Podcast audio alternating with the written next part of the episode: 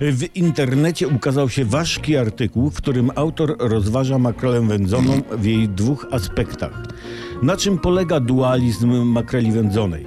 Kwestia, czy jeść wędzoną makrelę jest poprzedzona mm, krótką historią makreli jako elementu jadłospisu ludów północy. Autor, podkreślając bogactwo dobroczynnych składników omawianej wędzonej ryby, nie bez żalu zauważa, że e, sposób przetworzenia makreli z niewędzonej na wędzoną może być groźny dla zdrowia, powodując na przykład śmiertelnie groźny wstrząs anafilaktyczny. Cytuję, niekiedy takie efekty potrafi wywołać nawet pocałunek kogoś, kto wcześniej jadł makrelę.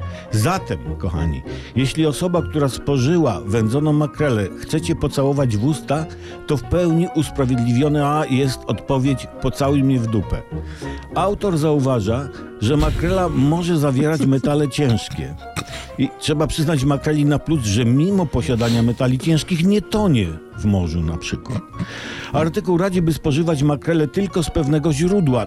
No na przykład pytany o to sprzedawca odpowie, ona jest ze źródła Jan z Krynicy. Tak? No oczywiście, że nie. Ryba pochodzi z hurtowni Śledź, Szprot, Pol. Pewne źródło twoich ryb, ram, pam, pam. Z, z artykułu wynika niezbicie, że makrela wędzona jest bardzo zdrowa i należy ją jeść. Jednocześnie makrela jest niebezpieczna i nie należy jej jeść. To w końcu jeść czy nie jeść? Tak, czyli nie. A jeśli tak, to nie całą, a jeśli nie, to tylko pół. Bo wędzona makrela podobno leczy, ale uwaga, może zabić. To jest bardzo wypośrodkowane stanowisko, co jest niezwykle uczciwe w przypadku człowieka, który nie wie o czym pisze.